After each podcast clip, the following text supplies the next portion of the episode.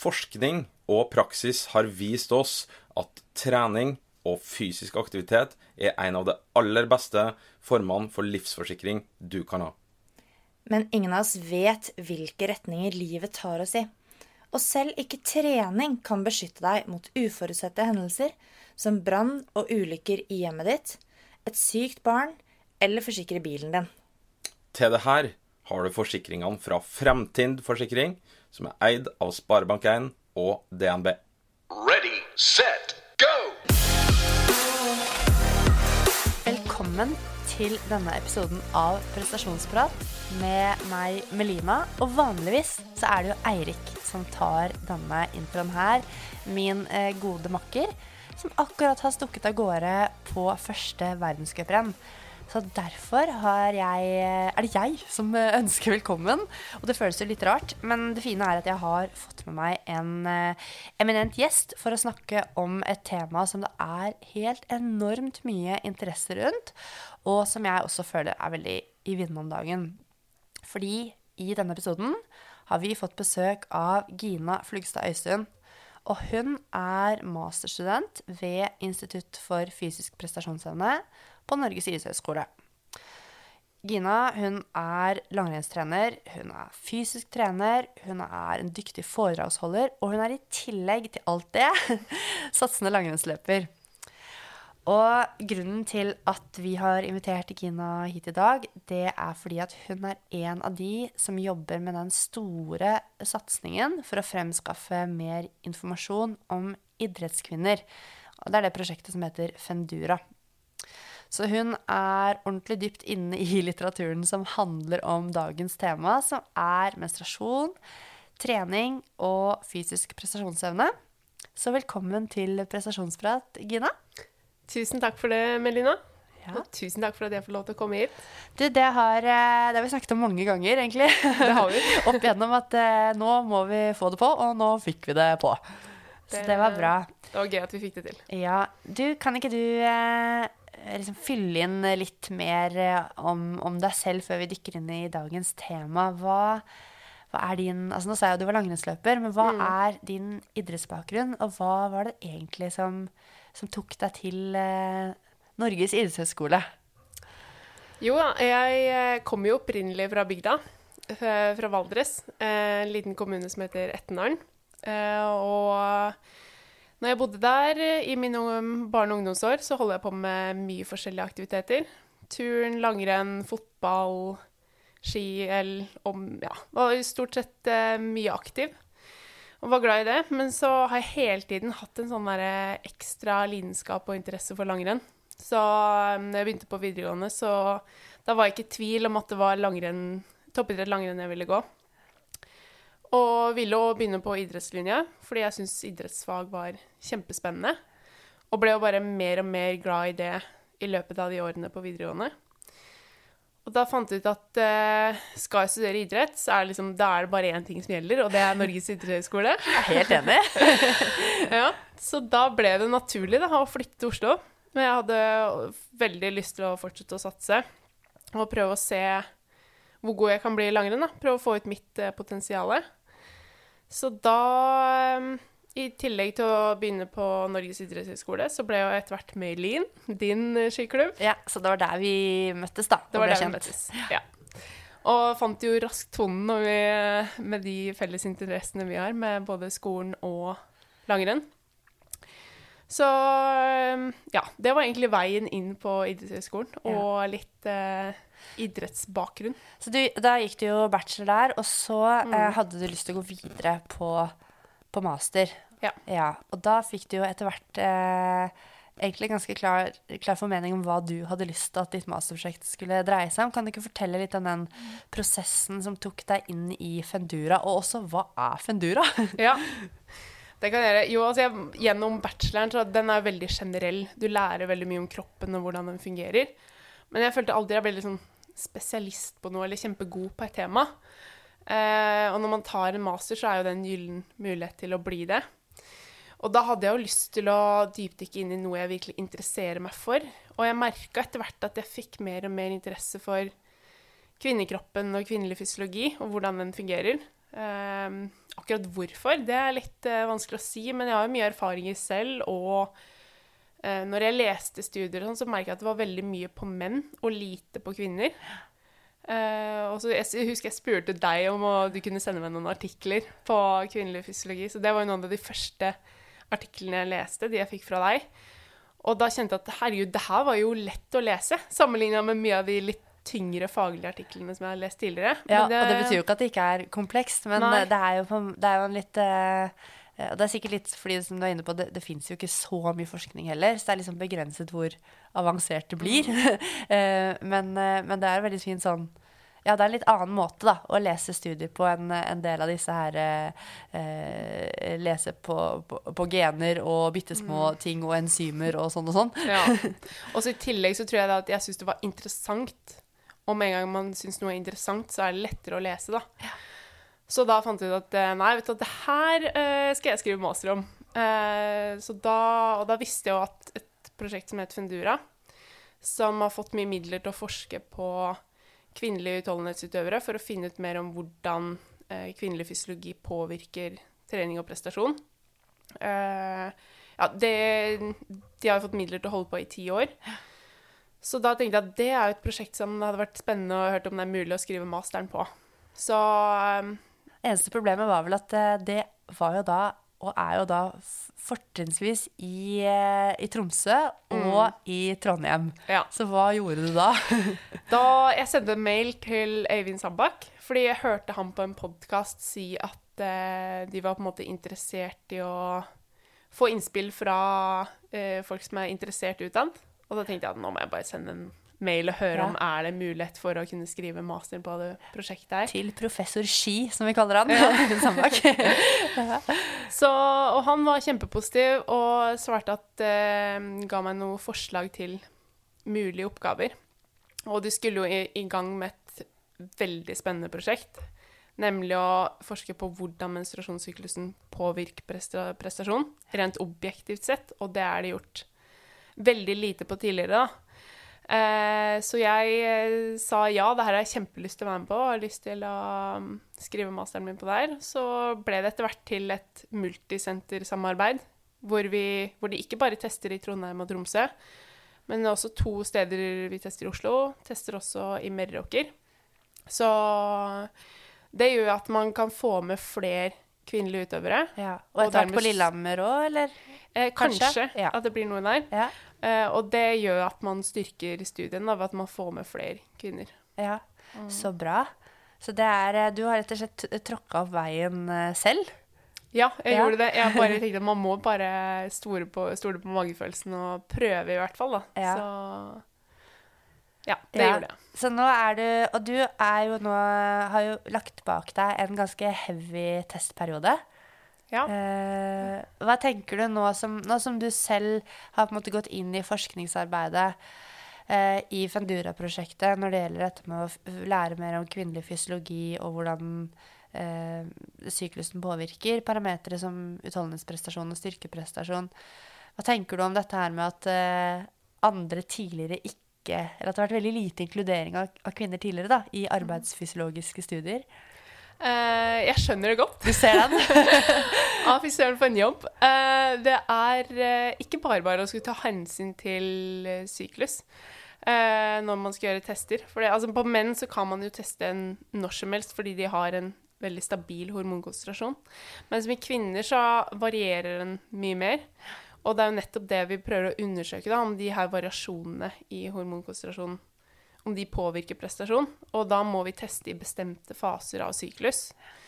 Og så er det ikke nødvendigvis at selv om en utøver har en syklus på 28 dager i én syklus, så er det ikke sånn at den er 28 dager neste. Nei, kanskje du var den 31, liksom? Ja. Og, da, og at man har eggløsning på dag 14 i en syklus og på dag 20 en annen. Eller jeg har sett variasjon helt opp til dag 28. Og da er det sånn Da kan man aldri planlegge akkurat når man skal teste. Eh, man må ta det litt sånn på sparket. Hvis jeg plutselig fikk jeg melding nå, nå har jeg fått eggløsning. Og da var det sånn OK, ja, men da må du komme på NIH og teste i morgen. Ja, og da må du bare slippe det du har i hendene. Og Ja. faktisk, ja, Gina har vært litt sånn Nei, kan ikke i dag. Eh, har forsøksperson med eggløsning. Ja. Sorry, guys. Nå må jeg inn og teste. På med labfrakken. Ja. Eh, så ja, jeg, jeg, jeg føler, føler deg veldig på den. Fordi det er eh, noe som både du og jeg i hver våre prosjekter har liksom måttet virkelig lese oss ordentlig opp på hvordan man skal korrigere for syklus og ta hensyn til den. Og så Altså, og jeg har jo selv sittet og sagt at jeg skjønner ikke at ikke flere inkluderer kvinner. Det er jo bare å ta hensyn til syklus. Så vanskelig er det ikke, liksom. Det er bare å tracke. Og så er det ikke bare bare, for det er så stor variasjon. Så jeg har i hvert fall dempet meg selv litt når det gjelder den derre Jeg syns selvfølgelig at alle burde inkludere kvinner når de skal studere menneskekroppen. Men jeg har også forståelse for den enorme jobben det er, og hvor ressurskrevende det er, da. Det, Så, men samtidig så er det sånn man må begynne et sted. det er akkurat det. Så Ja. det er sånn, nå har jeg vært igjennom det en gang. Jeg vet litt hva det er. Og da er det Jeg er klar for å gå på en ny runde, jeg. Ja, så bra. Vi skal eh, snakke mer om dette her med syklus. For nå dukker vi inn i dagens tema, og vi skal starte med fysiologitimen.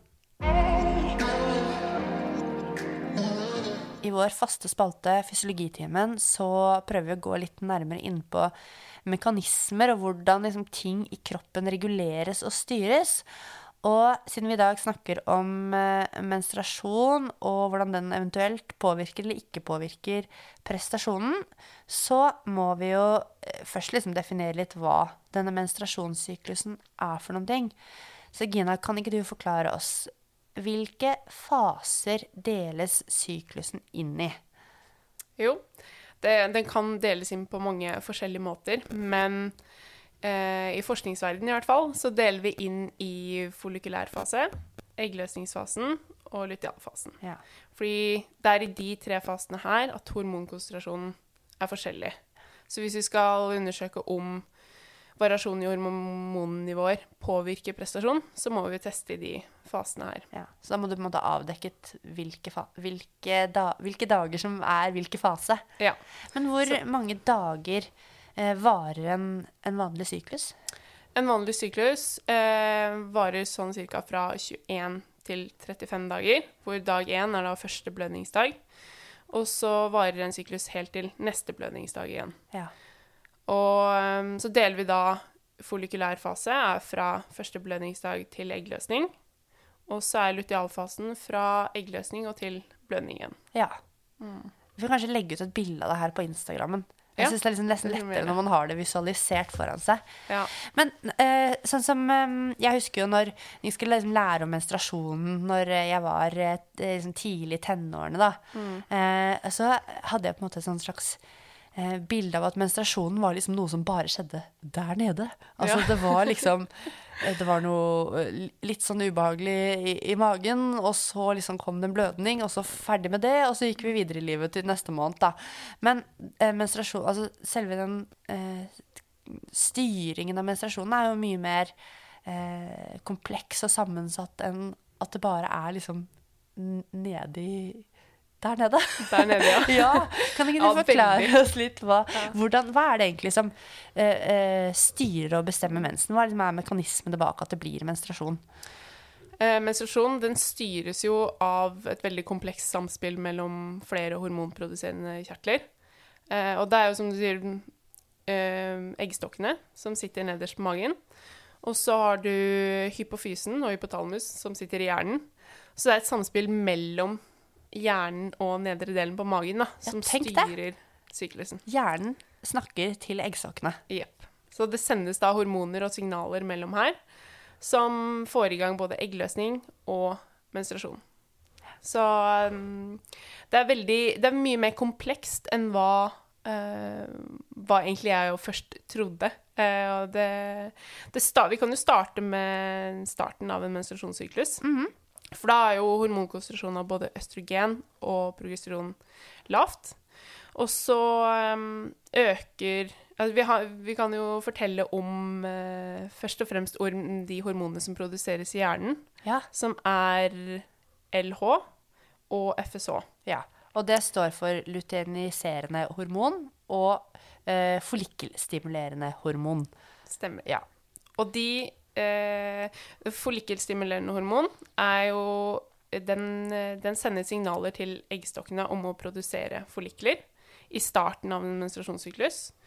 Så da produseres det tre til fem follikler, og etter hvert så blir det bare til én som fortsetter å vokse fram mot eh, eggløsning. The chosen one. Yes. Ja. Og den her produserer også mer og mer østrogen, så østrogennivåene øker jo fra dag én i syklus og fram til eggløsning. ja. Så, Og rett før eggløsning så produseres det andre hormonet fra hjernen, som heter eh, lutein, luteiniserende Ja, hormon. det er veldig sånn tongue twister. LH. LH. Det er mye lettere å si det. Ja, vi sier LH. Eh, ja. Så det er jo det her vi måler eh, Eller når jeg får beskjed fra forsøkspersonen at nå har jeg fått eggløsning, så er det fordi at da har det vært en peak i LH-konsentrasjonen i urin. Ja, og da har de tatt en sånn hjemmetest, en sånn eggløsningstest, sånn som man, når man prøver å bli gravid. eh, Bli gravid. bli gravid. Så Ja. tar man en eggløsningstest. Det er en sånn test de har tatt, er det ikke det? Ja, det er det. Så da, da er det tegn på at da skjer eggløsning innen 48 timer. Så da eh, er det bare å få det inn på testing for å teste når, mm, når det er høy østrogenkonsentrasjon, mens progesteron er fortsatt lavt. Ja. Så Fordi østrogen og progesteron det er jo to hormoner som på en måte svinger litt sånn motsatt av hverandre. Ja, det er det. Så, og etter eggløsningen, så um, Da skjer det jo litt forandringer nede i uh, livmoren. For da um, vokser jo det som heter det, Da kommer det gule legemet. Ja. Og eh, i den fasen her så produseres det også østrogen og progesteron. Ganske mye av begge to, men mer eh, progesteron nå, da. Som, og det var det jo lite av i, den, i follikelfasen. Eh, og det her eh, eh, gule legemet, som det kalles, varer sånn alt fra åtte til ti dager, cirka. Og så etter hvert så vil eh, vil hormonkonsentrasjonen dale, og da vil eh, det gule legemet ikke få nok oksygen. Så da, eller livmorslimhinna vil ikke få nok oksygen, og det som skjer da, er at da dør det. Så da støtes det ut gjennom eh, livmoren og slimhinnene, eller gjennom eh, skjedeinngangen, eh, som en blødning. Det er helt utrolig at det dannes liksom et nytt legeme hver måned da, inni kroppen. Det her gule legemet, eller corpus luteum. At det liksom det gjøres på nytt og på nytt, og så ja, sånn ekstra, ekstra litt organ. Ja. um, men, og da, ja, ikke sant? Og da begynner det på nytt igjen etter det, da. Da begynner det på nytt igjen. Så Ja. er det samme runde om igjen og om igjen. Ja.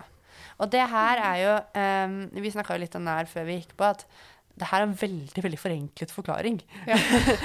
så det, hvis du syns dette var litt avansert, så er det jo bare å tenke seg. Mm. For det er jo et ekstremt eh, komplekst sånn feedback-system med mm, mange sånn hormonkaskader da, Ja. eh, som skal snakke sammen. Eh, som går da feedback mellom hjernen og, og, eggstokkene. Og så her, det her er en eh, Altså det er jo veldig mange som går på prevensjonsmiddel eller har en uregelmessig menstruasjon eller andre forstyrrelser i hormonbalansen da, som gjør at det finnes andre modeller enn det her òg, på en måte. Mens det her er den naturlig, regelmessig eh, menstruasjonssyklusen Ja. som kvinner på en måte er skapt for å ha fra naturen sin side, i utgangspunktet. Men så er det noen som har sykdommer eller går på prevensjonsmiddel som gjør at du får en annen hormonkonsentrasjon. Ja, og da vil den profilen, altså hormonprofilen, vil se annerledes ut. Og det vi kan kanskje definere som en eller annen form for syklus Vi skal snakke litt mer om prevensjonsmiddelsyklus eh, litt senere, men det vil jo se litt annerledes ut kanskje, da, Ja. enn en det som vi har forklart nå. Men ehm, altså I forkant av eh, menstruasjon så er det jo mange som opplever å få litt sånn Altså du kjenner at nå er det snart den tida, for å si det sånn. Eh, og man opplever å få det som vi kaller for PMS. Um, kan ikke du forklare oss litt grann hva er PMS? Og grunnen til at jeg tar opp det, er jo fordi at det er jo mange eh, jenter og kvinner som snakker om at de føler seg jo eh, ikke så veldig bra i den perioden, da. Em, før eggløsningen. Ja. Eh, at Før menstruasjon. ja, for menstruasjonen, mener jeg. Ja. Og at um, uh, og at dette her med PMS kanskje kan være litt sånn til hinder for hvordan man eventuelt opplever kroppen sin, og hvordan man opplever å prestere. Så ja, eh, litt om PMS. Eh, PMS står jo for premenstruell syndrom. Eh, at det skjer i forkanten av menstruasjon. Da kan noen oppleve litt mer sånn ømhet i puppene og kanskje smerter i magen eller rygg. Eh, Muskelleddsmerter er veldig vanlig. Eh, og så er det individuelt fra person til person hvor mye man kjenner. Noen Veldig. merker ingenting, mens andre kan føle at det plager såpass mye at det reduserer livskvaliteten. Og noen blir jo ganske sånn nedstemte også, på grensen Ja. til litt sånn symptomer på depresjon. Det kan også veldig påvirke det mentale. Så eh, det er litt Ja, det er varierende fra person til person hvor mye man får av PMS. Så hvis det er veldig mye, så kalles det PMDD. Så, og da plages man i stor grad av det her. Men eh, det er en eh, mm, Vet man noe om mekanismene, liksom, eller hvorfor noen får mer PMS enn andre? Jeg Vet ikke om du har sett, det- fått sett noe på det. Det er jo ikke direkte i din master, da, men eh, Jo, jeg kan litt om Hvis man ikke Som vi snakket om i stad, så øker jo både konsentrasjon av østrogen og progesteron før man får menstruasjon. Og hvis ikke Hvis du øker mer med østrogen og mindre med progesteron, så kan det føre til at man får mer PMS. ja. Så det kan være én årsak til at man har kan, PMS. kan være en, en hormonell kanskje, si, Jo, men kanskje ubalanse, da. I hvert fall ikke den, akkurat den optimale profilen man ønsker seg. Mm. Mm. Ja. Det er jo noen som er Ja, det er som du sier, er noen er veldig plaget, og noen, noen er ikke så plaget. Og vi, vi skal ikke snakke så mye om akkurat liksom hvordan man skal administrere PMS, for det blir på en måte en annen podkast, men eh, Men vi skal snakke om litt om hvordan Altså hva man kan gjøre med tanke på å tracke syklus og avdekke eventuelt hvordan PMS-symptomer eh, påvirker deg, da. For det er jo et viktig punkt. Men før vi går til det eh, Nå har du jo nevnt eh, hormonene østrogen og progesteron. Og eh, nå er jo dette noe du skal forske på, men der kunnskapen står nå, da Hvordan er det egentlig de to hormonene påvirker eh, parametere som f.eks. kondisjon, styrke, utholdenhet? Om ikke egenskapene om det, hvordan det påvirker prestasjonen. Ja. Da vi vet at østrogen og progesteron de påvirker mye mer enn bare fertiliteten. Det å skulle kunne bli gravid. Mange tenker så at det er kanskje bare derfor man har en menstruasjonssyklus, fordi og man skulle kunne bli gravid. Men hormonene påvirker så mye mer enn det. Blant annet beinhelse, hjertekar, ventilasjon. Altså østrogen og progesteron påvirker utrolig mye. Eh, Men hvordan det påvirker prestasjon, det vet vi jo fortsatt lite om. Men eh, østrogen er jo et anabolt eh, hormon. Det vil si at det bygger opp. Så mange kan ofte føle seg veldig bra i den fasen hvor de har mer østrogen i kroppen, i midten av syklus. Og det kan være at man restituerer raskere. Men vi vet fortsatt lite om det faktisk er sånn. Men Ja. mange opplever det, da. Eh, og kan kanskje derfor eh, trene litt mer i de periodene der, da, for de føler de restituerer raskere og tar til seg trening Ja. fortere. Jeg er spent på om det er sånn Om det er noe på en måte eh, psykologisk der også. For vi vet jo også at liksom, hormonbalansen påvirker også Altså et styres jo fra hjernen, da. Ja. eh, påvirkes påvirker også hvordan du føler deg, og, og liksom følelsen av overskudd osv. Om det er litt sånn Fordi du føler deg bedre psykologisk, så opplever du treningen som lettere og opplever at du er bedre restituert, restituert kanskje sover bedre, hva vet vi. Eller om det er liksom Ja, det er litt sånn høna og egget-scenario, da. Ja. Eh, men mange ting som kan spille inn. Ehm, ja, så Østrogen det har jo da anabole egenskaper. Det tror jeg det er ganske mange som ikke vet. Man tenker Mm. først og fremst kanskje på testosteron som det eneste liksom, anabole hormonet, men det er jo langt ifra. Men hva med progesteron, da? Hva slags liksom, egenskaper, eller hvordan kan det påvirke kroppen?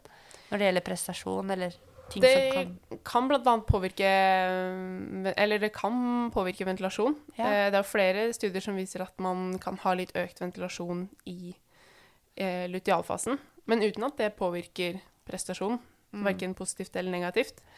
Eh, men hvis man føler at man ventilerer mye mer i enkelte faser av syklus, så kan det skyldes rett og slett økte progesteronnivåer. Ja, Så kanskje man ikke skal bli så stressa av at man føler at man puster veldig mye mer en periode. da, og Det er ikke nødvendigvis betyr ikke at du er, mer, at du er dårligere trent, f.eks. Nei. Jeg føler, kan føle på det selv. Jeg bare, åh, nå, I dag puster jeg mye. Ja. ja.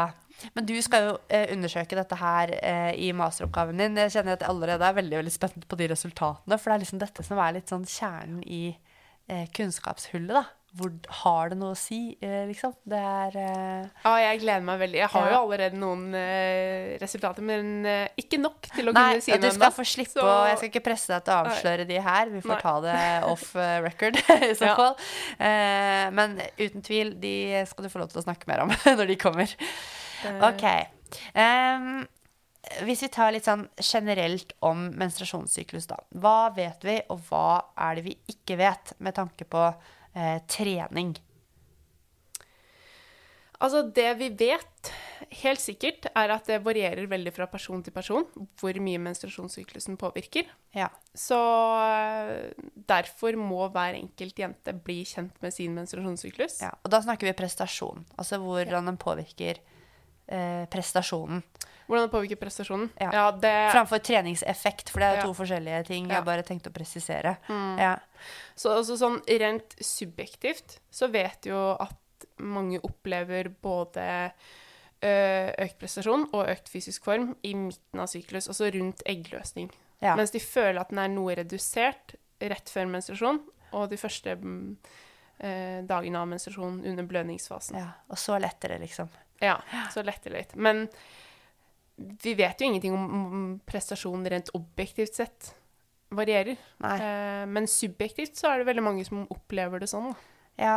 Det er vel litt sånn sprik i um, Jeg mener vel, og dette er du litt mer oppdatert på enn meg, for å si det mildt, men eh, jeg har vel lest noen studier som viser at eh, selv om man opplever eh, seg forskjellig i de ulike fasene av syklusen, at det ikke nødvendigvis lot seg måle i endring i prestasjon, da. Eh, Men så kommer det an på hvordan har man målt, og var det riktig Var syklusen tracket riktig, osv. Men, eh, og vi skal snart snakke om syklustracking, for det er jo eh, et viktig punkt i den podkastepisoden her. Vi har fått inn helt enormt mange lytterspørsmål, Gina. Det tok av innen fem minutter på vår, ja, vår beskjedne Instagram-konto, men det viser jo bare at det temaet her engasjerer virkelig, og at det er skikkelig kunnskapstørst da, der ute eh, eh, etter å lære mer om hvordan syklusen påvirker, og rett og slett kvinnekroppen og kvinnelig fysiologi. Og det var veldig mange som lurte på om menstruasjonssyklus og skadeforekomst hadde en sammenheng. Så tenkte vi kunne ta litt om det før vi går til uh, trackingen. Ja. Der må jeg bare si at her er jeg ingen ekspert uh, i det hele tatt. Det er ingen av oss som er. Men det her er noe jeg har lyst til å lære mye mer om, fordi det er mye indikasjoner på at menstruasjonssyklusen påvirker risikoen for skader. Ja. I hvert fall når det gjelder korsbåndskader, så er det gjort en del studier.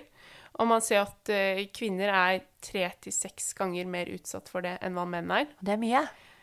Og man antar at det kan skyldes øh, variasjon i hormonkonsentrasjonen hos Ja. kvinner.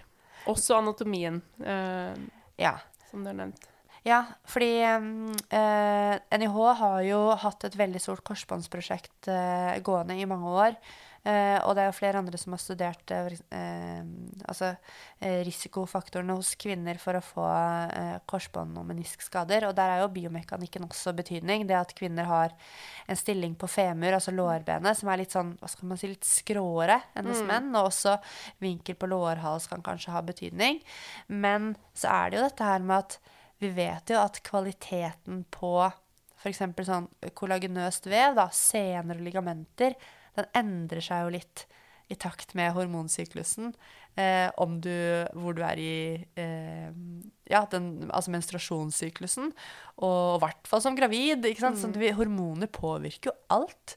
Det gjør det. Eh, og også da de der stabiliserende eller de kraftoverførende strukturene som senere ligamenter er. da. Men hvilke faser av syklusen er det man er mest sånn sårbar i, om man kan si det på den måten? Ja, det er eh, i tidlig under blødningsdagene. Ja. Eh, og så er jeg litt sånn usikker, men jeg tror òg rundt eggløsning at man er litt mer utsatt her. Men det er fortsatt litt sånn tidlig å kunne si at det er sånn for alle. ja. Og at det er, ja, at det er sånn. Fordi vi vet fortsatt for lite, da. Det er litt vanskelig å Det er ikke alle som har notert ned dag i syklus de fikk en korsbåndskade.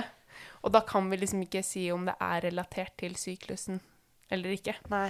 Så, men det her kommer det en review på ganske snart. Ja, det blir så spennende. um, forhåpentligvis kan eh, vi kunne si noe mer da. Ja, det blir veldig spennende å se. Og så eh, Jeg hører jo sånn mens vi snakker at man roper ut etter mer forskningsmidler. Ja. ja. Eh, men OK. Um, dette er jo da neste lytterspørsmål, som vi uansett lytterspørsmålet jeg hadde tatt opp. Bør man tracke syklusen sin? Eh, og hvis man bør, hvordan skal man da gjøre det? Men la oss kanskje først snakke om skal man tracke syklus, Gina? ja. Ja. Ja. Klart og rungende ja. Hvorfor? Hvorfor? Og det er mange grunner til det, men eh, først og fremst så er det et kjempegodt signal på at kroppen er i balanse, og at ting fungerer som det skal. Og spesielt hvis man trener mye, så er man jo en økt risiko for å havne i negativ energibalanse, eller at man ikke klarer å få i seg nok mat. Eh, men hvis man har regelmessig menstruasjon, så er det et tegn på at du har eh, nok energi tilgjengelig, og kroppen tar imot treninga mm, når du, og bryter ned kroppen, men du klarer å bygge den opp igjen Ja. i etterkant. Du har nok restitusjon imellom. Det er et sunnhetstegn. Det er et sunnhetstegn. Så um, først og fremst eh, Ja. er det, det er en grunn til å tracke at man ser at ok, har jeg regelmessig menstruasjon, så er det et tegn på at ting er i orden. Og så hvis det plutselig skjer forandringer, da, at den er mye lengre, eller at den er borte en eller to sykluser eller tre, så er det kanskje det et tegn man I hvert fall hvis det er tre sykluser, så er det et tegn man burde plukke opp og bare tenke at OK, nå må jeg redusere litt eh, totalbelastningen, eller sjekke om det er noe gærent. Fordi det, det er et signal på at ting ikke er 100 i hvert Ja. fall. For hva tenk, la oss liksom tegne et scenario her nå, da. La oss si at, Mm. si at det var faktisk eh, casen for for en utøver. At den syklusen hadde vært borte to måneder. Eller si, altså at man ikke hadde fått menstruasjon da, på la oss si to måneder. Hva hadde du gjort da? Hadde du liksom gått til legen, eller hadde du prøvd å eh, eh, ordne det selv med å spise litt mer og, og trene litt mindre, eller hva hadde du på en måte Gjort. gjort? Ja. Jeg tenker Det kommer jo litt an på hva, um, hva, hvordan menstruasjonen har vært tidligere. For hvis man har regelmessig menstruasjon, har hatt eh, regelmessig siden man fikk det første gangen Eller i starten er det jo vanlig å ha Ja. litt uregelmessig Ja, det kan ta, ta faktisk ganske lang tid før det stabiliserer seg. Men la Ja. oss si at man har hatt, hatt en, eh, noen stab, par stabile år, da. Ja. Si man er 20 år, hatt menstruasjon i fire år og regelmessig de siste tre, så eh, da ville jeg eh, prøvd å redusere totalbelastningen litt og fokusere på tilstrekkelig med mat og søvn og hvile sosialt og kjenne at du har det bra. Ja, Redusere stress. Ja, redusere stress. Og så se om den kommer tilbake. Eh, gjør den ikke det, så er det lurt å sjekke det opp etter hvert fall innen et halvt år. Hvis den har vært borte så lenge, så er det tegn på at da har du lite østrogen i kroppen. Eh, og østrogen er kjempeviktig for mange prosesser i kroppen, som jeg nevnte i stad. Så det å gå for lenge uten, uten østrogen, det er ikke bra. Nei. Så da, da går man jo til fastlegen sin, og så kanskje man blir henvist videre til en gynekolog, f.eks. Ja. Hvis, det hvis det er nødvendig. Um, ja, for jeg tenker Men det er litt sånn Det kan hende at man liker å skulle bare tatt en tur til gynekologen også. Fordi Eller i hvert fall jeg har jo opplevd å gå til en helt vanlig fastlege. Ga han beskjed om at uh, jeg har ikke hatt menstruasjon på snart et halvt år. Eh, Jeg lurer på om det er noe gærent. Han bare Ja, men har du det innimellom? Og så jeg bare Ja, jeg har hatt det innimellom, men den har vært uh, borte i over lengre tid i perioder. Ja. Han bare sa at så lenge du hadde innimellom, så går det greit. Uh, men ja, det, det, var var kanskje fordi du ikke liksom, da, på det tidspunktet planla å bli gravid, f.eks. Ja. Liksom, man kan komme på hva, liksom, hva, hva ser du dette opp mot? Og så er det kanskje ikke alle leger som er uh, like oppdatert på at mens, Har man hatt det regelmessig, i hvert fall, og så forsvinner den bort, så er det tegn på eh, for stor totalbelastning på kroppen. Da. Ja, det er et rødt flagg, og det snakket Ja. vi jo også mye om i podkastepisoden med Jorunn Sundgodt Borgen, hvor vi snakker om Reds. Eh, at det er eh, Man skal på en måte følge opp de tingene der, da. Ja. Eh, jeg ville i hvert fall gjort det selv, og tenker at det, det er bedre å gå én gang for mye til gynekologen. Og hva er det som skjer der? Jo, du får en vaginal undersøkelse, og de kan ta noen blodprøver, og så kan man basert på eh, de prøvene man finner, og også anamnesen, den samtalen som du har med, med den spesialisten, så kan man prøve å komme frem til hva man tror kan være årsaken, og eventuelt da eh, komme frem til noen tiltak. Ja. Så det er alltid mye sånn og det er så trygt og godt å få Mm. den hjelpen. Så det er litt, nesten litt sånn shout-out til, Ja. til eh, Jeg vet at det er alltid noen som sitter her og hører på, som tenker åh, nå snakker de liksom, de snakker om meg. Så hvis vi nå snakker om deg, book den timen, pleier Ja. jeg å si. Det er bedre å sjekke en gang for mye enn en gang for lite. Ja, Ja. det er det. Eh, Men det er jo flere grunner til um, hvorfor de skal tracke òg, da. Ja, enn um, akkurat det helseparameteret. Fordi eh, det er jo noe med at hvis du ser at menstruasjonssyklusen påvirker deg i form av at du har ups-perioder hvor du føler deg veldig bra, og dans-perioder hvor du føler deg mer nedfor, så kan det her være noe du burde ta litt mer hensyn til i hverdagen for å få økt livskvalitet og økt kvalitet på treningsøktene. ja. Så um, det å få en oversikt over om syklusen påvirker deg, og om det er noe du tar hensyn til i treningsplanleggingen, det tror jeg kan hjelpe til med å få økt kvalitet på treningsøkter Ja. og hverdagen generelt. Fordi hvis man opplever at man har noen sånne downs, da Ja. Hvis det er sånn, ja, det er kanskje ikke sånn Det er ikke sånn at man er helt på randen av depresjon, eller at man har så vondt at man ligger og vrir seg på gulvet, men at man bare er litt sånn nedstemt og kjenner, føler seg litt tung i kroppen, er det jo mange som beskriver. Altså, hva, hva gjør man da? Skal man trene som vanlig, eller Det kan hende at hvis man ser at man alltid føler seg bra i midten av syklus, så kan man legge mer trening til den perioden, og så har man en litt tyngre periode hvor man føler seg litt tyngre, så kan man trene litt lettere i den perioden. Ja. Litt uh, enten redusere intensitet eller uh, varighet. eller- ja, Mengde. ja. Men i hvert fall ta litt hensyn til det, og kanskje på den måten føler man at man har økt kvalitet på treningsøktene, og at det blir en naturlig periodisering i treninga ut fra syklus. ja. Eller at man, hvis man har øh, øh, Hvis man blir bevisst på at man har en dårlig periode i syklus, så tenker jeg at det kan være lurt å teste ut litt i den fasen der òg, for det er jo ikke sånn at du kan bestemme at en konkurranse skal havne på de gode Nei, i syklus. dagene i testløp, eller den og den økta som er Ja. på et felles opplegg, eller ja, samling. Så kanskje hvis du sliter med at du har eh, mages, en del magesmerter rett før menstruasjon eller under menstruasjon, test ut og ta en Paracet og se om det går bra med en hardøkt likevel, da. Ja. Jeg tenker jo, ja, Man trenger jo liksom ikke krisemaksimere eller overtenke, egentlig. Man kan jo faktisk prøve sånne tiltak da, som å justere litt, som du sier, i belastning. Ja. Um, og det vet jeg jo også at ehm, eh, det er ikke noe farlig å anbefale å ta smertestillende. Det er helt normalt. ja. Men man skal Eh, ikke ta det gjennom hele syklusen. Nei, nei, Men ikke sant? eh, Man må- en dag eller to, det, Det må være litt, øh, litt sånn forholdsmessig. Ja. ja. Men det er jo sånn at man kan jo kanskje da øh, til Altså, det er helt greit hvis man er litt, øh, er litt sånn øh, under par i, i hvordan man opplever seg, tenker jeg at man legger inn litt mer Netflix enn chill, og Ja. kanskje unner seg en liten smertestillende. Ja. Men OK, skal, nå har vi jo etablert at man bør tracke syklus. Jeg vet at det er veldig mange av dine fagfeller som er eh, eh, godt senior, som er, er enig, i deg, eh, enig med deg i det. Men hvordan skal man gjøre det? Det er det nok uh, sikkert mange som lurer på. Ja. Jeg la ut en liten post på Instagram om det her òg, hvordan du kan tracke syklusen din. ja, den skal vi dele på prestasjonsbladet. Den var kjempebra. Men det du gjør, da, er i hvert fall å tracke tre sykluser for å kunne se om det er menstruasjonssyklusen som påvirker deg, eller om det bare er treninga eller dårlig natts søvn. Så må man tracke tre sykluser for å se at det er et mønster. Skjer det jevnlig gjennom de tre syklusene, så er det mest sannsynlig et tegn på at OK, det er menstruasjonssyklusen som gjør at du føler som du gjør. Og det betyr jo at du bør jo egentlig sette av et drøyt kvartal av et år faktisk, til å tracke det her. Jeg bare sier det for å virkelig understreke at man må ha litt tålmodighet da, i, i trackingen. Ja. Men ok, tre sykluser. Skal man eh, skrive det ned for hånd? Er det app? Hva anbefaler du?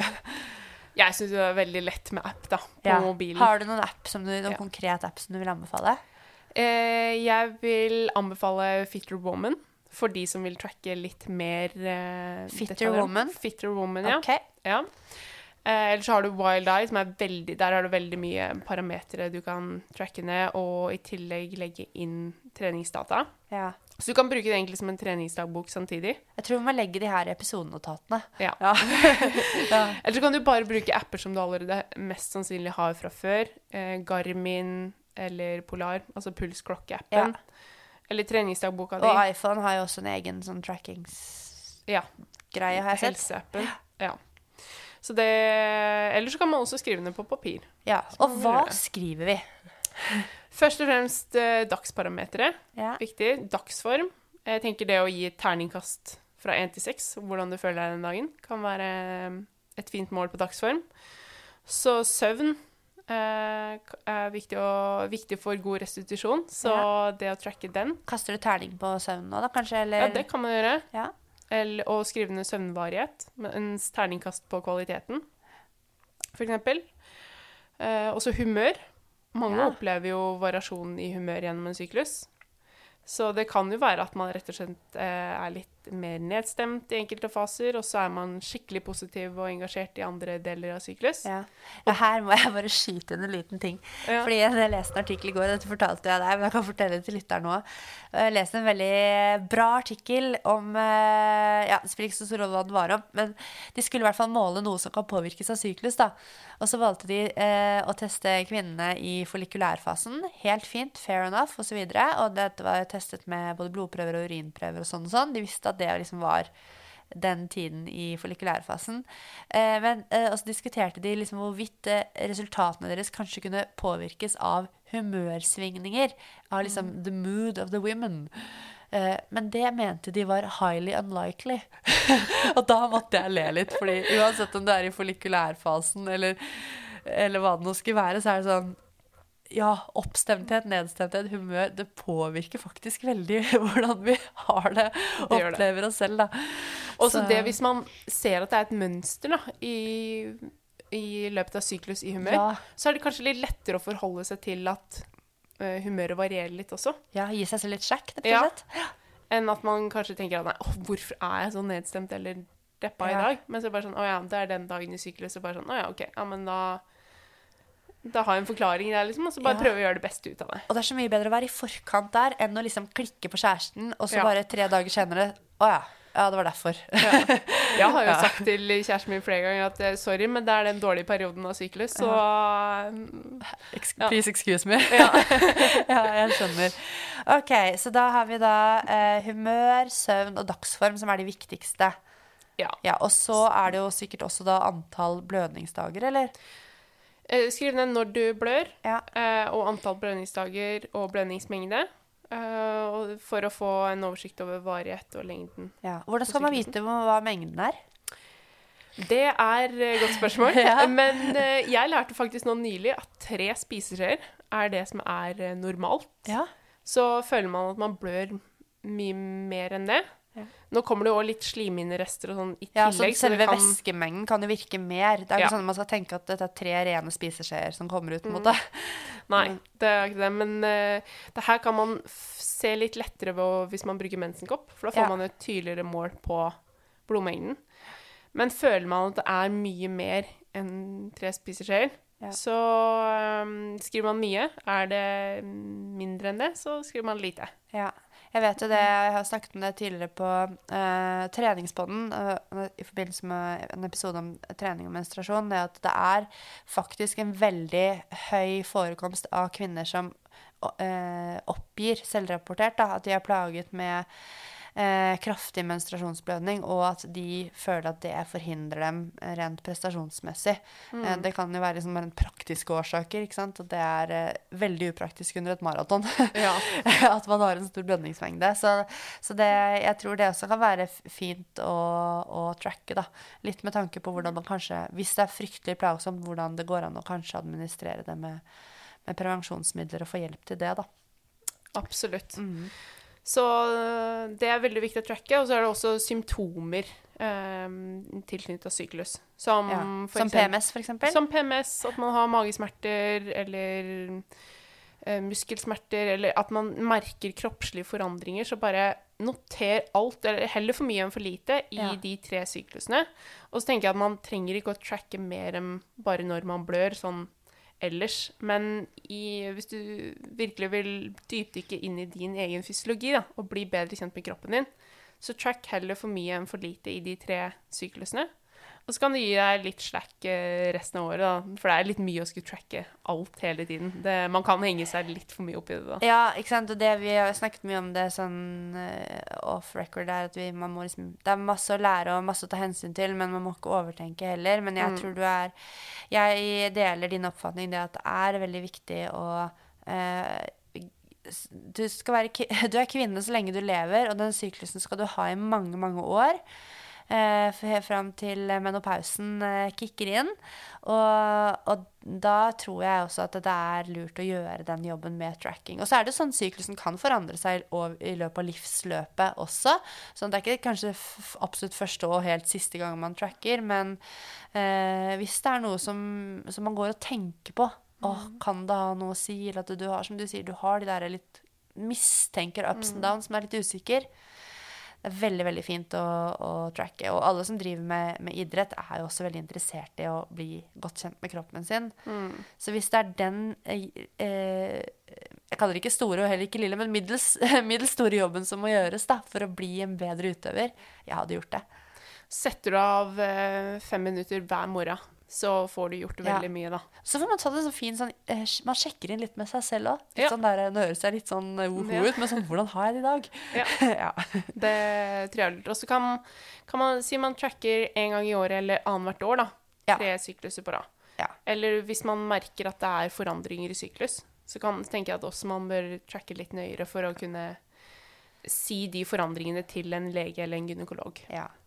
Men hvis man ikke liksom merker noen ting Man syns liksom ting er helt standard hele tiden, altså relatert til syklus, da, at det ikke er noen sånne spesielle ups and downs som man merker månedlig. Skal man tracke da, eller går det, det greit, jo- liksom? ja. Hvis man absolutt ikke merker noe, føler ikke at det er noe forandringer i det hele tatt, så tenker jeg at da er det ikke noe Nei. poeng. Da er det ingenting du trenger å ta hensyn til i hverdagen eller i treningsarbeidet. Nei. Så da, da er det bare For det er jo tilfellet for noen, Det er det. tenker jeg da. Ja. Så vi ikke skaper mer jobb enn nødvendig her. Men eh, det er jo veldig mange som har spurt om dette med tracking, så nå har vi jo fått en kjempefin gjennomgang av det. Og så er det jo den store snakkisen, og jeg føler at dette er litt prematurt. Men jeg er veldig interessert i dine tanker, Gina. Bør man eh, periodisere treningen med tanke på syklusen? Eller er det litt det samme? Noen har f.eks. sendt inn spørsmål sånn Eller skal man bare blåse i det og trene som en mann i gåsehudene? Altså, her, mine tanker Ja. er jo at eh, ja, jeg tror du kan få økt treningskvalitet hvis du periodiserer etter syklus. Ja. Eh, I hvert fall hvis du liksom kjenner at syklusen påvirker deg. Føler du ikke at du Eller merker du ikke noe forskjell gjennom en syklus, så kan du bare trene og periodisere treninga uten å tenke på syklusen. ja, for der tror jeg du er inne på noe viktig. Det er sånn, mer- har du Ja. Altså, ser du et mønster av litt ups and downs, og du, du opplever deg litt påvirket, så tenker jeg det samme òg, da. Hvorfor ikke eh, forsøke å legge opp treningen litt etter hvordan du opplever deg i syklusen, sånn at du slipper det derre å nei, nå er det den dagen igjen, og nå får jeg den drittfølelsen igjen på den økta fordi den havnet på den dagen. Da slipper du jo det. Ja, det er akkurat det. Men samtidig så tenker jeg også at man skal prøve å pushe litt eh, i perioder hvor det er tyngre perioder. Nettopp fordi at du vet jo ikke når det kommer en konkurranse. Du kan ikke planlegge konkurranseplanen i forhold til syklusen din. Eh, det kommer Tiril Eckhoff har jo snakket veldig åpent om det her, at hun har prestert godt på en dårlig fase av syklus og Ja. på en god fase av syklus. Så det å bevisst legge hardøkter til en litt dårligere fase i syklus, for å nettopp kjenne på kroppen hvordan er det jeg takler det her, Ja. Kanskje du kan prøve ulike strategier for å finne ut hvordan du kan håndtere hardøkten best mulig. Kanskje det hjelper å virkelig være nøye på kosthold og søvn døgnet i forkant. At man optimaliserer enda bedre, kanskje. ja, eller at man tar seg en Paracet for å ikke gå rundt og ha vondt i magen hele tiden. Ja. Sånne ting At man kan teste ut litt på trening, da, for da føler man seg litt mer forberedt før konkurransen kommer. Veldig viktige poeng. Og det er veldig dumt at en ting er om du legger opp perfekt i gåsehudene etter syklusen eh, hele liksom, grunntreningsperioden, og så kommer konkurransen, og så blir du vipp, mentalt vippet av pinnen, da. Ja, det er akkurat det. Eh, Så det var veldig, veldig godt poeng. Ja, sånn at det er litt individuelt, da, eh, om man bør eh, slash må eh, parodisere etter syklus. Men eh, kan vi da kanskje konkludere med at hvis du opplever litt forskjeller opp og ned, så, så burde du i hvert fall teste det. Ja, Ja. Helt Ja. klart. Um, ja, du var jo litt inne på det her tidligere med hvis man er f.eks. veldig plaget med PMS, da, eh, som er jo en del av det der syklusbildet også, eh, hvordan man eventuelt bør periodisere da, men da er det eh, eksempel på utholdenhetstrening så var du inne på dette med å, å redusere intensiteten eller varigheten litt, men hva med styrketrening? Skal man gjøre de samme eh, grepene der? Eh, Jeg tenker jo Der òg kan du også justere ned enten intensitet eller varighet ved at du f.eks. tar lettere vekter. Se om det kanskje hjelper litt uh, mer på, på overskuddet i hverdagen. At det er litt lettere å komme seg ut på trening og gjennomføre økta. Ja. At du kanskje ikke føler For trening er jo stort sett bra for kroppen. ja. Selv i en fase med PMS så kan de endorfinene gjøre godt og hjelpe mot PMS-en. Eh, Men det er litt lettere å komme i gang med økta også hvis man setter seg et mål og klarer målet. Hvis man også justerer da målet ut fra dagsformen. Og det å da ta enten lettere vekter eller færre repetisjoner kan gjøre at det er lettere å nå det målet og få litt mestringsfølelse og få litt endorfiner og Ja. Det er sånn veldig Jeg tenker når du snakker nå, at dette er et veldig sånn samspill mellom psykologien og fysiologien hele veien. veldig. Eh, veldig Ja. tett, veldig sånn interlinket. Eh, og, og så handler det ikke om at man skal liksom slakke av. Selv om, og, selv om det er å gi seg selv litt slack. Det handler jo ikke om å være en utøver som ikke er disiplinert. Eh, men det, er, det handler om den derre spille på lag med den, det som vi snakket om helt i starten. Altså den hormonprofilen, da, og hva den gjør med både eh, syke og kropp. Og det er jo, altså vi ser jo på de beste idrettsutøverne. De, jo, de pusher jo ikke gjennom en intervall hvis du føler seg litt eh, halvveis en dag. Da kan de justere ned intensiteten, eller eh, korte ned intervalløkta hvis det kjennes helt elendig ut. Så det er sånn De beste er jo de beste på å autoregulere. Ja, det er akkurat det. Så ikke mm, tråkk deg sjøl ned i søla bare fordi du justerer ned litt på, i, ut fra mm, hva du anser som normalt. Ja, godt poeng. Da har vi lært eh, en del om tracking, eh, Gina. Og det vet jeg er veldig interessant og veldig viktig for mange å lære om. Og nå er det bare å tracke i vei. Hvis man ikke går på hormonelle prevensjonsmidler. For det er jo litt forskjell på om man har på en måte en eh, helt naturlig menstruasjon, eh, der man ikke er påvirket av noen preparater. Men nå skal vi snakke litt om prevensjon, og ikke liksom eh, i det henseende at vi skal sitte her og, og leke lege og gynekolog og drive og anbefale forskjellige eh, medisinske preparater, for det er liksom ikke vår kompetanse. Men eh, både din og min kompetanse handler jo mer om hvordan prevensjonsmidlene potensielt kan påvirke det vi er interessert i å måle, da. Ja. sånn at, eh, og, og derav så kan man si noe om hvordan det vil påvirke kanskje prestasjon og, og syklus osv. Så, videre. Ja. så OK. Eh, prevensjon. Og da er det først og fremst da hormonell prevensjon. For vi snakker jo om dette her med hvordan progesteron og østrogen påvirkes, og opp og ned osv. Men hvilke typer hormonell prevensjon er det vi har? Hvordan kategoriserer vi de? Vi deler jo hovedsakelig inn i to grupper. Da har vi de som inneholder både østrogen og progesteron, som vi kaller kombinasjonspreparater. Og så har vi de som kun inneholder progesteron. Så de som inneholder både progesteron og østrogen, så har du jo p-piller, p-plaster og p-ring. Mens de som inneholder kun progesteron, så har du p-stav, eh, spiral, p-sprøyte og minipiller. Ja. Mye å velge. Mye å velge i. Det, er ikke lett. Det er ikke lett å forske på det her heller, når det er så mange varianter, og så er det mange merker og hormonkonsentrasjon Ja. i de ulike Og en p-pille er ikke bare en p-pille, for det kan være forskjellige konsentrasjoner av de forskjellige liksom, eh, hormonene da, i Ja. den pilla, eksempel. Det, det er mye, mye forskning som må gjøres før vi kan si noe konkret om hvordan de ulike påvirker eh, Ja, prestasjon. det skal jeg være så ærlig å si at det har det kommet kjempemasse spørsmål om, og jeg skjønner det veldig godt, fordi at man går på et preparat, og så er man, har man lyst til å gjøre det som er det beste for seg, og også sin idrettssatsning, og da tenker man sånn, åh, er det dette jeg skal gå på, eller er det ikke dette jeg skal gå på? Selv om det kanskje fungerer helt fint. Ja, jeg har jo tenkt mange ganger på det sjøl, jeg. Ja, samme her. Ja. det er, eh, man vil liksom prøve å bare ta de marginene man kan, da. Eh, men når man går på prevensjonsmidler, så kan jo da syklusen helt åpenbart forandre seg. Eh, Jamført med det som Altså med tanke på det som vi har beskrevet tidligere, da. Eh, og da er det et uttrykk som jeg tror ikke er så mange som kjenner til, og det er prevensjonsmiddelsyklus. Ja. Ja, for det er også noe som går an å tracke. Ja. Kanskje litt. Det gjør det. Altså, det kommer jo igjen an på hvilke prevensjonsmiddel du går på. Men går du på et kombinasjonspreparat, altså p-piller, p-ring eller um, p-plaster, så kan du egentlig tracke på akkurat samme måte som med en vanlig menstruasjonssyklus. Ja, For da har man jo den de dagene, og så har man den blødningen, da. Ja. Da har du dager hvor du tar piller, hvor du ikke blør. Og så har du en uke hvor du ikke tar piller, hvor du blør. Ja. Så det, da har du liksom blødningsperioden som et um, referansepunkt i syklus.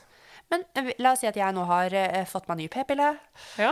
eh, og av en eller annen grunn har jeg byttet da til det, og er strålende for, uh, fornøyd med å, og skal sette i gang med denne p-pillen. Eh, kan jeg bare begynne å tracke fra dag én, liksom? Eller eh, hvordan er det når man da starter på et nytt prevensjonsmiddel? Da, når man starter på et nytt prevensjonsmiddel, så er det veldig vanlig at man har litt sånn bivirkningsfase. Som varer alt fra tre til seks måneder. For noen også lengre. Så det Ja, det kan være lurt å tracke da for å sørge Eller få en litt sånn oversikt over hvordan det påvirker deg. Ja. Men ha litt tålmodighet, fordi det kan at hende at du får litt ekstra plager i oppstartsfasene fordi det tar litt tid før kroppen venner seg til preparatet. Så tre til seks måneder skal man liksom ha sånn innkjøringsfase. Ja. Det høres jo lenge ut, da. Det kan være veldig lenge. Ja. Det kan det. Så jeg klarte ikke, når jeg prøvde spiral, så kjente jeg at det, det her orker jeg ikke i seks måneder, så jeg rett og slett slutta. Nei. Jeg vurderte også det samme. Nå er vi veldig åpne her, men sånn Ja. er vi. Sånn er vi. uh, når jeg uh, fikk spiral etter uh, å ha vært gravid, for før det så gikk jeg på ingenting, og før det så gikk jeg på piller. Men i hvert fall da, det var altså så Jeg syns jeg hadde så vondt. Ja. Jeg syns jeg hadde så mye vondt, og tenkte sånn "Det her- Den kan ikke sitte riktig, det skal fader ikke være sånn. Tilbake til legen, hun sjekket den satt som den skulle, og liksom Og så gikk det liksom over. Men jeg gikk bare med den i en måned og tenkte sånn Fy f, den her skal ut! Ja. Så jeg skjønner veldig godt ja, at folk ikke holder ut disse tre til seks månedene. Så jeg tenker jo graden av bivirkninger vil vel jo være veldig avgjørende også om man kommer gjennom den Uff meg, det er mye vi skal gjennom. Ja. Men når man kommer gjennom den innkjøringsfasen, da. Ja. Men ok, la oss si at man er da Så man kan tracke litt i innkjøringsfasen. Ja. Men den virkelige trackinga bør starte når du måte, føler deg ferdig med den fasen, at det begynner å I hvert fall hvis du har mye plager i starten, så ikke tenk at de vil vare hele tiden, at det er sånn det er. Det er en viktig Eh, støttetanke. ja, Så når de kanskje begynner å redusere seg litt, så kan du begynne å tracke og finne ut ok, hvordan er det faktisk det her prevensjonsmiddelet påvirker meg. Ja. Og jeg tenker òg at man må ikke være redd for å prøve et nytt prevensjonsmiddel pga. det vi har sagt nå med innkjøring, og at det kan være vondt eller sånn og sånn. Eh, fordi at eh, alt Altså, det handler mye om at du vet hvorfor det er sånn. Ja. Det handler mye om Og jeg hadde f.eks. aldri prøvd spiral før. Jeg visste ikke at det var vanlig at jeg kunne kjenne det jeg kjente. Og hadde jeg på en måte visst det, så hadde jeg en øh, Og det fikk jeg jo vite da når jeg gikk tilbake til Ja. legen. Og da, eh, da bestemte jeg meg for at nei, nei, men dette blir jo bra. Uh, den, den trenger ikke ut, den. kan bare sitte der. Og så har det blitt kjempebra. Så Men det er noe med at da, liksom, da hadde jo du eh, notert deg ned de symptomene du hadde, og liksom eh, ting du ikke følte var bra. Og så Ja. fortalte du det til gynekologen, så sa han ja, men det er helt normalt. ja, så fikk jeg på en Eh, måte et forklaringsmodell som jeg ja. kunne slå meg til ro med. Og da fikk du bare råd med at eh, det vil gå over etter hvert. Og så øh, gjorde det jo det. Så gjorde det. det. Null stress. Så, men øh, hvis det da ikke hadde gått over, så kunne du kanskje gått tilbake til gynekologen og Ja. sagt at vet du, jeg har fortsatt de her symptomene. Jeg har hatt de i Ja. seks måneder eller mer. Og det ødelegger for uh, treninga mi, eller Ja. jeg kjenner meg sånn og sånn. Og da tenker jeg sånn, og det har vi snakket med, med, med gynekologer om også, at det da er det Det er jo går jo an å prøve et nytt prevensjonsmiddel. Og Det det, er jo sånn det er med prevensjonsmidler, at man du har ingen garanti for hvordan det slår ut i din kropp. Du må Det er et forskningsprosjekt, en case study. Det er et Mm. prosjekt du driver på deg selv, som, hvor du må eh, rett og slett prøve deg frem til du har riktig preparat da, for din Ja. kropp i den fasen der du er i livet nå. For det er ikke sånn at selv om venninna di går på den type p-piller, så er det ikke sikkert det vil fungere for deg, selv om det fungerer bra for hun. Fordi Altså, jeg tror vi var sikkert ti jenter jeg, som gikk på samme p-pille på slutten av ungdomsskolen der, fordi Ja. alle bare ville ha den venninna hadde. Vi hadde jo ikke peiling. Nei, ikke sant? Så for meg. Sånn gikk det.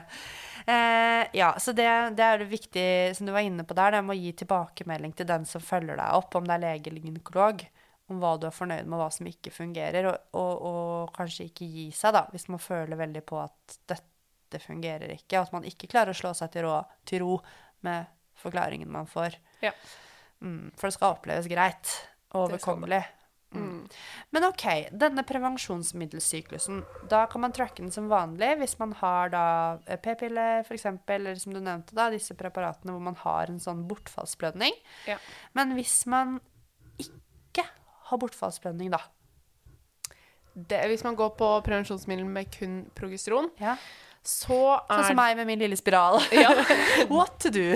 What to do? Nei, men da er det jo ikke sikkert man har blødning som referansepunkt. Så da vet man rett og slett ikke hvor man er i syklus, eller hvor lang syklusen er. Eh, For det er veldig vanlig å få uregelmessig menstruasjon eller bortfall av menstruasjon. Ja, den bare forsvinner. Men Mm. det er jo eh, noen som sier at de kjenner likevel når de har en eggløsning. De kjenner det liksom litt rundt eggstokkene, og, eh, og jeg har jo merka det litt selv også, at det, Mm. Selv om du ikke har menstruasjon og syklusen annerledes, så kjenner du noe forskjeller som, som danner et mønster, da. Det er interessant. Akkurat det. Så derfor tenker jeg at det er lurt å tracke tre måneder istedenfor tre sykluser. Og da kan du skrive ned når du f.eks. kjenner murring i magen eller andre symptomer som du føler påvirker deg. Ja. For å se om det er sånn- et mønster. Eller eh, kanskje du kan finne et referansepunkt da, hvis du ofte kjenner murring i magen rundt eggløsning. Så er det sånn, ok, da vet jeg at jeg er der. Ja. Fordi når du begynner på prevensjonsmiddel med kun progesteron, så har du fortsatt din egen syklus gående i bakgrunnen. Ja. Mens når du begynner på prevensjonsmiddel som inneholder både østrogen og progesteron, så blokkerer du kroppens egen produksjon Mm. av hormoner. Og det ehm, eh, Og det, altså, og det jeg, Intuitivt så tenker jeg sånn Å, det høres jo så mye bedre ut at du har din egen syklus som går i bakgrunnen hele tiden. Men der må vi også huske på at det, det er ingenting som nødvendigvis er noe bedre eller dårligere. Eh, fordi at det kommer an på hvordan du som individ eh, liksom reagerer da, på, Mm. på de forskjellige preparatene. Bare for å understreke det. Um, men kan prevensjonsmidler påvirke prestasjonen? Godt spørsmål. Det er sikkert mange som lurer på. Men det eh, vet vi fortsatt veldig lite om. Eh, men eh, jeg tenker at hvis du har en syklus som påvirker deg mye, at du føler deg reduserer både treningskvalitet og mm, livskvalitet for den saks skyld, at du har store plager tilknyttet til syklus, så kan nettopp det å begynne på prevensjonsmiddel være prestasjonsfremmende fordi du blir kvitt de her plagene som påvirker Ja, treninga. at det blir prestasjonsfremmende med sammenlignet med før, men jeg tenker Ja. jo at det blir først og fremst normaliserende, for det er jo ikke doping, Mm. at det er prestasjonsfremmende på den måten, men at du får da en normalisert eh, tilstand, sånn at du får den treningskvaliteten, og der tenker jeg at der vil du nok oppleve det som prestasjonsfremmende, og Mm. Ja. også måle det som prestasjonsfremmende, sammenlignet med det som var ditt gamle deg litt under pari, da. Ja, og det har vi også fått spørsmål om, liksom er dette med å gå på en kombinasjon av østrogen og progesteron, om det er liksom hemmende eller fremmende. Og da tenker jeg at hvis det er det riktige preparat, preparatet for deg, så får du eh, normal da, får, da blir du der du skal være. Ja. Ja. Så vi kan på en måte ikke si om det er eh, best å gå på prevensjon, eller best å ha en naturlig menstruasjonssyklus med tanke på prestasjon. Ja. Der uh... Det er jo noen som eh, Jeg tenker jo sånn rent praktisk, så er, er det jo noen som eh, kjenner det at uh, det er fint å gå på et prevensjonsmiddel fordi at man har muligheten til å liksom hoppe over menstruasjon, utsette menstruasjon, altså gjøre de tingene der. Og det um, det er jo ikke farlig. Du kan hoppe over så mange ganger du vil, og, og sånn og sånn, men så må vi huske at det, disse prevensjonsmidlene de er jo først og fremst laget for at man skal ikke bli uønsket gravid. Eh, det er liksom, og så kan man jo, nå, nå begynner man jo å bruke det, og man har brukt det allerede i mange år, for å redusere PMS, og for å få på en måte bukt med andre typer plager eh, som man har, da, og kanskje spesielt også det nå de senere årene som man opplever i forbindelse med trening og prestasjon. Sånn at eh, prevensjonsmiddelets bruk har blitt veldig sånn utvidet med tanke på årsaken til bruken. Eh, men, men det er også et viktig poeng da, at det er liksom Uønsket graviditet er fortsatt liksom hovedgrunnen til at man går på på prevensjon. Og så er tenker jeg at det er en fin bonus, og vi er i den grad vi er liksom åh, det er pes å ha mensen hver måned, for det, det, er, vi, det syns vi alle i perioder, Mm. så er det veldig deilig at vi har nå alle disse veldig gode preparatene eh, tilgjengelige for oss. Ja. Og mm, jeg har jo hørt på episoden med eh, eh, overlege og gynekolog eh, Guri Mayak, som du har intervjuet på Den kvinnelige utøveren, og som du også har hatt foredrag sammen med. eh, For, for idrettsutøvere. Og hun har jo vært ute og sagt at eh, p-pillen har fått et litt sånn ufortjent dårlig rykte. Eh, og det syns jeg er så viktig å vite og liksom, At man snakker med de rette fagpersonene da, når man skal velge seg sitt preparat. Ja. Eh, Så derfor, hvis man vurderer å begynne på et prevensjonsmiddel, så bør man eh, snakke med noen som har peiling på deg, som faktisk kan hjelpe deg med å finne et preparat som passer for deg. Og Ja.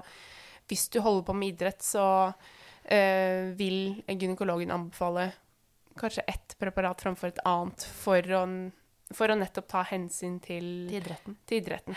Kjempeviktig. OK. ehm, ja, så det beste prevensjonsmiddelet er kanskje det, det som passer din kropp best, da. Det er det. Ja. Helt klart. og, og, men jeg tenker jo det at har du en menstruasjonssyklus hvor det har lite problemer i tilknytning til den, at den er helt grei, kanskje litt vondt i magen i ny og ne, eller sånne småtteri, men det er liksom Små plager, det har alle. Ja. Så, eh, så hvis, men trives du med din menstruasjonssyklus, så tenker jeg kjør på med den. Ja. Eh, men har du behov for å forhindre graviditet, eller at du har store plager, så er det viktig å vite at eh, det finnes ulike hjelpemidler der ute. Ja. Nettopp eh, mange ulike typer prevensjonsmidler. Mm. Og jeg tenker jo med bakgrunn på liksom alle de spørsmålene som har kommet inn her på under 24 timer på uh, Prestasjonsprat-Instagram-kontoen, som var helt hinsides mange, og veldig mange av de gikk liksom mye Det er mange av spørsmålene som går igjen, da. Masse av det som vi har tatt opp nå. Men det betyr jo at veldig mange kanskje mangler Jeg tipper at mange mangler noen å egentlig diskutere det her med. Ja, Eh, det tror jeg. At man mangler den diskusjonspartneren. Eh, fordi at det å Ok, så har man tracket syklus og funnet ut sånn og sånn, men hva nå, liksom? Ja, for det er jo, jeg tror det henger igjen litt fra gammelt av at menstruasjon det er litt sånn tabu. Det, liksom, det var bare noe kvinnene måtte styre med for seg sjøl. Det skulle vi ikke snakke om sånn ellers. Men det er jo noe som skjer med alle kvinner, og det bør være helt normalt å snakke om. Og det er faktisk noe som påvirker kvinner i stor grad. eh, Og kan påvirke trening og prestasjon i stor grad. Så da er det viktig at man tør å snakke om det med personer, bl.a. trenere, som kan være med å Ja. veilede og tilrettelegge, sånn at du får det bra med din syklus. For jeg ser jo at det er jo mannlige trenere som har faktisk vært veldig flinke til å sende inn spørsmål, da. Ja. Det er jo skal, Jeg holder jo alt anonymt, men jeg syns jo det er så utrolig gledelig. Jeg blir så glad da, av å se det. Men, eh, men noe av spørsmålene der går jo på sånn OK, hvordan skal man snakke med? Hvordan skal man kommunisere med utøvere? Om eh, nettopp dette med syklus og skal, man ta det liksom i utøversamtalen sånn Ja, har du mensen? Ja, åssen går det for deg? Altså, men har du noen tanker rundt det? Hvordan den kommunikasjonen bør være? Jeg tror først og fremst trenere må bare bli vant til å snakke om menstruasjon. Fordi altså, det er helt normalt, og jeg skjønner at ja, det kan kanskje være litt sånn kleint nå i oppstarten, men etter hvert som du blir vant med å snakke om det, så blir det blir helt normalt Det blir å snakke om det. Ja. Det blir normalisert, ja. Så det, ved å få litt kunnskap om det, hvordan menstruasjonssyklusen fungerer, så blir du også trygge på å ta opp temaet med utøverne. Og ehm, jo mer du snakker om det, jo mindre vanskelig blir det å snakke om. Ja. Og mindre kleint. Jeg støtter deg veldig på det med kunnskap, fordi jeg opplever selv at jo mer jeg lærer om kroppen, jo mindre kleint er det å snakke om den. Ja. vi snakker jo veldig fritt om eh, eh, mensen og, og mye andre ting òg, liksom. Og det er jo fordi at vi har liksom Jeg vet ikke, du får et litt sånn nesten distansiert forhold til det. Hvis du forstår meg, at du får et litt sånn profesjonelt forhold til det fordi at det, det er liksom bare så Det bare er så naturlig. Det er en del av pakka. Ja. Og så ehm, tenker jeg jo, og det er jo mange som også syns dette er pinlig å snakke med sin egen mamma om. Og, og da blir det kanskje altså, Hvis det er pinlig å snakke med sine egne foreldre om menstruasjon, så det å snakke med en, en trener, og kanskje en mannlig trener, terskelen blir jo enda høyere. Men der tenker jeg at det er, det er litt den voksnes ansvar. Altså den autoriteten, da. Sitt, sitt ansvar å, å ta det opp. For man kan ikke regne med at uh, en jente 15, liksom, eh, tar opp det i utøversamtalen, selv om man kanskje sitter og er liksom nesten på nippet. Um, så det å bare uh, snakke mye om det uten å tulle det bort, Ja. det tror jeg er viktig. Og ok, hvordan skal man snakke om det? Jo, først og fremst må man kanskje skaffe seg mer eh, informasjon. Der er jo du kjempeflink, da, Gina. Du har jo vært uh, ute i mange idrettslag nå og holdt eh, veldig gode foredrag og nærmest workshops uh, for utøvere og også foreldre. Hvordan har, har mottagelsen vært? Den har vært eh, veldig bra. Veldig mange som syns det er eh, lærerikt, Ja. og mye kunnskap som bare de ikke visste om fra tidligere. Eh, og som de tenker at det, det her må jeg ta med meg videre og bli litt mer bevisst på. Ja. Både som utøver og foreldre. Er det noen Eh, forskjeller på reaksjonene i utøvergruppe versus foreldregruppe? Det har blitt gøy å høre. Ja, det er, eller det er um, Utøverne er veldig beskjedne i starten. Ja. Og så når vi begynner å snakke mer og mer om det, så merker jeg at de blir litt mer varme i trøya. Og da er det viktig å legge til at foreldrene er ikke til stede da, Ja, når utøverne ikke sant, får Ja. sin bit av workshop-foredrag. Ja. Og så foreldrene så blir jeg litt sånn Jeg blir litt overraska over hvor lite de faktisk kan om det her rundt menstruasjonssyklus. Fordi i mine øyne nå så er det så basal kunnskap som jeg mener alle burde vite om. Eller i hvert fall veldig Ja, Det er sånn mange. tenker vi. Ja. ja. Så um, Men de òg blir jo litt varmere i trøya etter hvert og stiller masse spørsmål og har mye de lurer på. Ja. Eh, så det um, Det er tydelig at de syns det var interessant kunnskap og informasjon å få. Ja. Og så tror jeg trenere òg kan ha enda mer eh, utbytte av å få informasjon om det her. Fordi når de får informasjon om det her, så vil de bli tryggere på å ta det opp med utøverne sine. Ja, de vil kunne anvende den nye kunnskapen faktisk til å og kanskje faktisk tilrettelegge bedre på individuelt nivå da, for, eh, for jentene og kvinnene. Men eh, nei, jeg tenker jo bare Hvis det er noen som sitter i idrettslag nå, eller trenere og sånn, som tenker at eh, hvor skal vi begynne? Jeg tenker sånn, Dere kan bare booke Gina. Eller jeg vet jo du er, er en travel dame òg, men, men eh, det å liksom få inn det er jo ikke alltid all kompetanse sitter i eh, den organisasjonen som man, eh, man jobber i, eller idrettslaget man jobber i. Kanskje må man av og til innhente kompetanse. Eh, og det har jeg jo fått oppleve mange ganger selv også, at det har kommet noen til der jeg jobber og, og, og lært meg noe nytt, og som jeg har fått bruk for i lang tid senere. Så, så jeg tenker at eh, Eller kan man det? Man kan booke deg. Ja det Ja, er bare å jeg bare begynner. Ja. Men for målet mitt først og fremst med de foredragene her, er jo å få mer ungdom og eh, barn og voksne for den saks skyld til å være mer glad i å være i fysisk aktivitet, få lyst til å holde på med idrett over tid. Ja. Uh, og jeg tror jo det, spesielt når det gjelder kvinner, da, at flere kvinner kan få lyst til å være mer fysisk aktive når de skjønner faktisk hvordan kroppen sin fungerer. Ja. Og det, menstruasjon er faktisk en av årsakene til frafall i idretten for, eh, for kvinner, og det vil vi jo prøve å forhindre, da. Sånn flere jenter er med og driver fysisk aktivitet. Og ikke, nå sa jeg idrett, men for å drive fysisk aktivitet er det korrekt å si. Ja. Så, nei, så det, det er bra at man kan få inn eh, litt mer kompetanse. Um, vi får legge den eh, kontaktinfoen din i episodenotatene, da. Så folk vet Så ikke jeg blir rent ned på DM her. Ok, eh, litt sånn avslutningsvis. Vi har jo hatt en episode som nevnt med Jorunn Sundgodt Borgen om REDS, eller Red S, eh, som handler om eh, relative energy deficiency in sport. Altså at man har for lite energi i kroppen sammenlignet med, med forbruket. Og der vet vi jo at en av markørene på at man er i energibalanse, er jo dette her med at man har regelmessig menstruasjon. Men hvis man f.eks. går på hormonpreparater La oss si man går på p-piller, da, og ikke har mensen. Fun funker Funker det da? For å se om det er eh, ikke sant? Hvis jeg blør hver måned, men går på p-piller, er det liksom et godt tegn på at jeg ikke eh, har reds?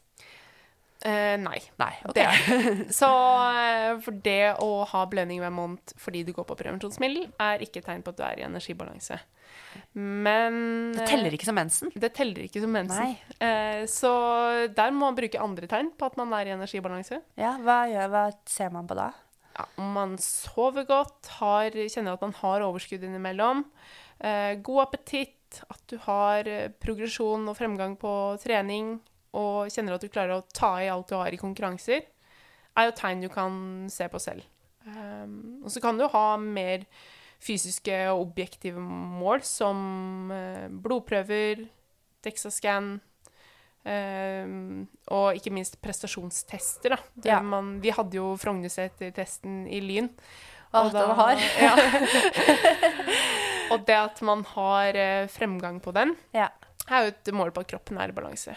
Men jeg må bare skyte inn en ting her. og i puberteten så er det òg veldig vanlig å stagnere litt. At man ikke har fremgang.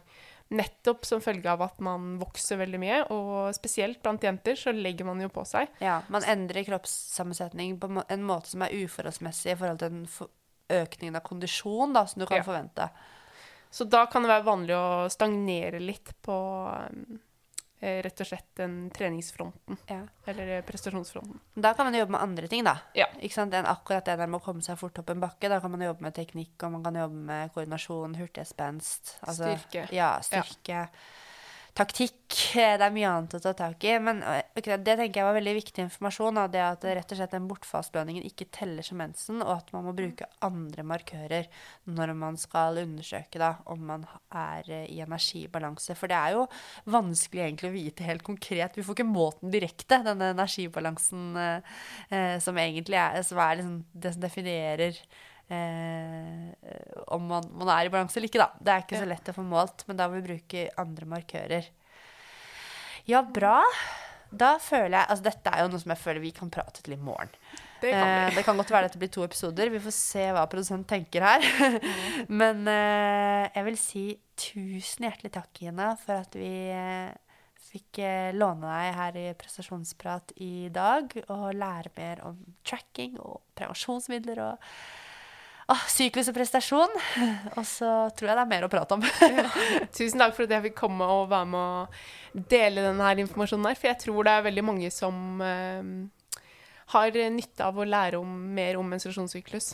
Og eh, kvinnelig fysiologi. Ja. Og hvis dere vil se Gina live, så er det to ting dere kan gjøre. Dere kan skru på TV når det er Ski Classics på TV. For du, Yes. du driver og snakker om at du gikk liksom litt i lyn, men du er jo faktisk på Tord Asle Gjerdalen sitt langløpsteam. Det glemte vi å nevne. Ja. Jeg er på Team Expand Fuel, så jeg skal gå mye langløp til vinteren. ja.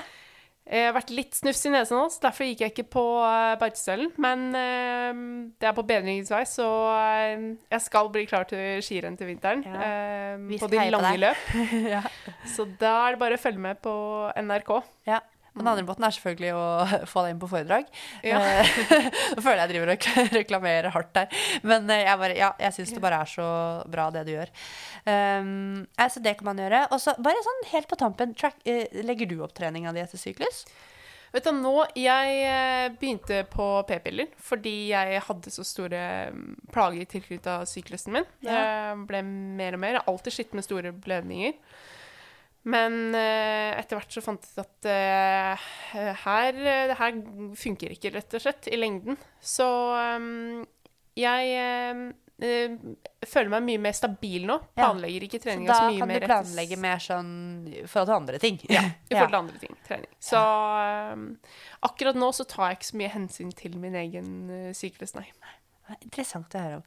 Ok, da ønsker vi alle sammen happy tracking, eh, og også happy talking, egentlig. Eh, det er bare å eh, snakke om mensen eh, vidt og bredt. Eh, og mm, hvis du føler at det, det er noe du ikke har kompetanse til å snakke om, så er det jo faktisk eh, noe som er mulig å lese opp på eller å få inn kompetanse på, da. Så tusen hjertelig takk for at du lyttet helt hit i denne episoden av Prestasjonsprat. Vi får eh, heie på Eirik, som er eh, på verdenscupåpning. Og så eh, skal vi heie på Gina når langløpssesongen kommer i gang. Ha det bra! Ha det bra!